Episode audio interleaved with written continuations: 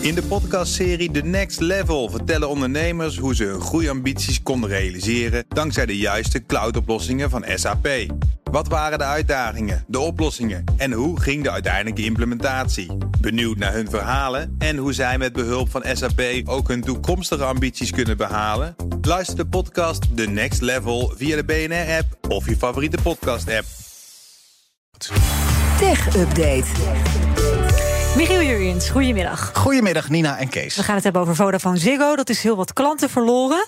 Maar het heeft wel de omzet op peil weten te houden. Ruim 80.000 klanten die een jaar geleden nog een abonnement hadden met vast internet, televisie, eventueel ook de vaste telefoon erbij. Die zijn inmiddels vertrokken bij Vodafone Ziggo. Ja. Toch lag de omzet zo rond hetzelfde bedrag als in het derde kwartaal van vorig jaar. Eh, Leren we vandaag uit de kwartaalcijfers van toch een van de grootste telecomproviders uit ons land.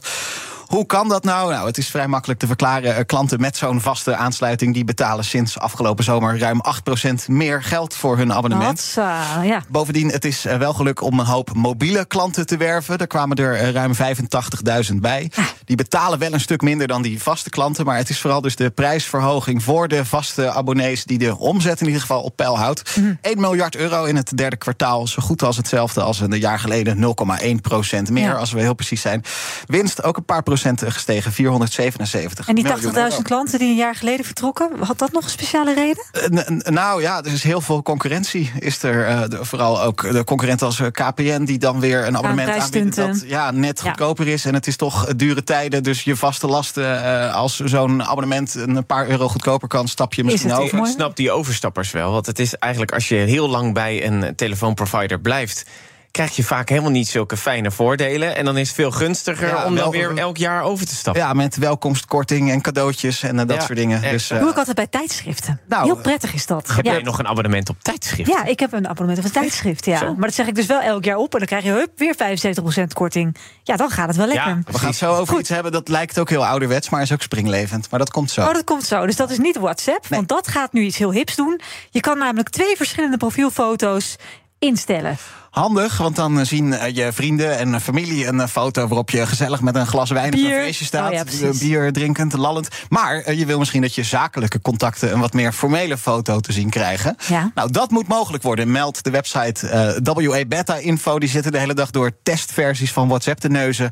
En die komen dan zaken tegen die een paar weken of maanden daarna dan worden uitgerold. Mhm. Zo ook nu een functie die dan alternatief profiel heet. En dan kun je een andere profielfoto instellen voor contacten die niet in je adresboek staan. Of je kunt het zelfs zo selecteren. Ja. Ik heb zo vaak dat ik dan eh, iemand voor BNR of voor mijn andere zaken aan het appen ben. En dan zie je in één keer een babyfoto als profielfoto. En dan denk Ja, ik echt, ja, ja, ja, ja. En kan je ook maar één iemand in die lijst zetten? Bijvoorbeeld je minnaar of zo. dit, ja, ja. dit vraag ik voor een vriend natuurlijk. Ja, tuurlijk. Dat je één hele leuke foto voor jezelf... die maar één iemand mag zien. Dat kun je ook gaan doen. Je hebt nu eigenlijk maar drie opties. Dat iedereen kan je foto zien. Alleen je contacten kunnen hem zien. Of niemand kan hem zien. Nou, er komt nu dus een aparte optie bij. eh, bijvoorbeeld voor zakelijke contacten. Of eh, jouw minnaar, Nina. Zeker. No, no, dat ging zeker niet over mezelf. Oh. Nou, ehm, dan gaan we even naar iets wat heel ouderwets is. En dat nu ineens een boost krijgt. In onze buurlanden bestaat het al jaren niet, hier, eh, niet meer. Maar hier, NOS Teletext is springlevend, hè? Ja, ja, grote update gekregen Ja. vandaag. Van het systeem waarop teletext draait. Ja, ik vind dit zo grappig. Het systeem waarop teletext eh, tot vandaag eh, draaide, dat dateerde uit 1980. Eh, en het was zo dat er bij de NOS ook eigenlijk geen kennis meer in huis was om dat systeem te onderhouden. Als er wat aan de hand was, dan moesten er soms zelfs mensen uit Engeland worden ingevlogen die eigenlijk al met pensioen zijn. Nou, dat kan echt niet. Vandaag is er dus een nieuw systeem waar teletext op draait. Het zit vooral aan de achterkant. Het is eh, gebouwd door de NOS zelf in samenwerking met een extern bedrijf, laten ze weten. Ja. Het was nog best lastig, want ze wilden wel dat teletext er eigenlijk hetzelfde uit zou blijven zien. We zijn dat opzoeken. Hetzelfde Kijken. zou, oh, eh, geen teletext voelen. beschikbaar. Oh, Oh, hij. ja. Ja, hier is het. En je ziet ja, aan de voorkant eigenlijk niet zo heel veel veranderd. Precies hetzelfde, ja. Ehm, op tv, ja, dat zal dan misschien nog gaan veranderen. De koppen van de nieuwsberichten worden wat kleiner. Want dan ziet het er online en in de app weer wat beter uit. Is het, Ja, ja. idee. het fascineert mij hoe populair teletext is. De BBC is er al elf jaar vanaf. De VRT in België is in 2016 gestopt met teletext.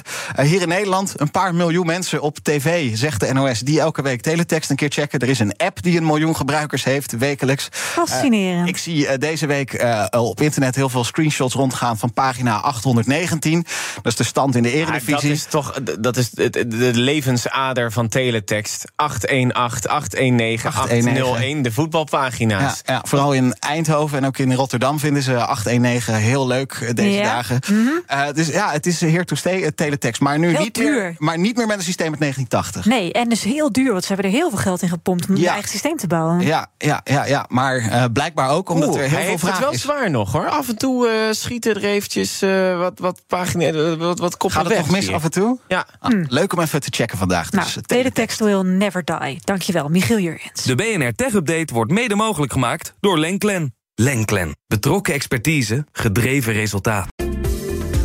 In de podcastserie The Next Level vertellen ondernemers hoe ze hun groeiambities konden realiseren dankzij de juiste cloudoplossingen van SAP. Wat waren de uitdagingen, de oplossingen en hoe ging de uiteindelijke implementatie? Benieuwd naar hun verhalen en hoe zij met behulp van SAP ook hun toekomstige ambities kunnen behalen? Luister de podcast The Next Level via de BNR-app of je favoriete podcast-app.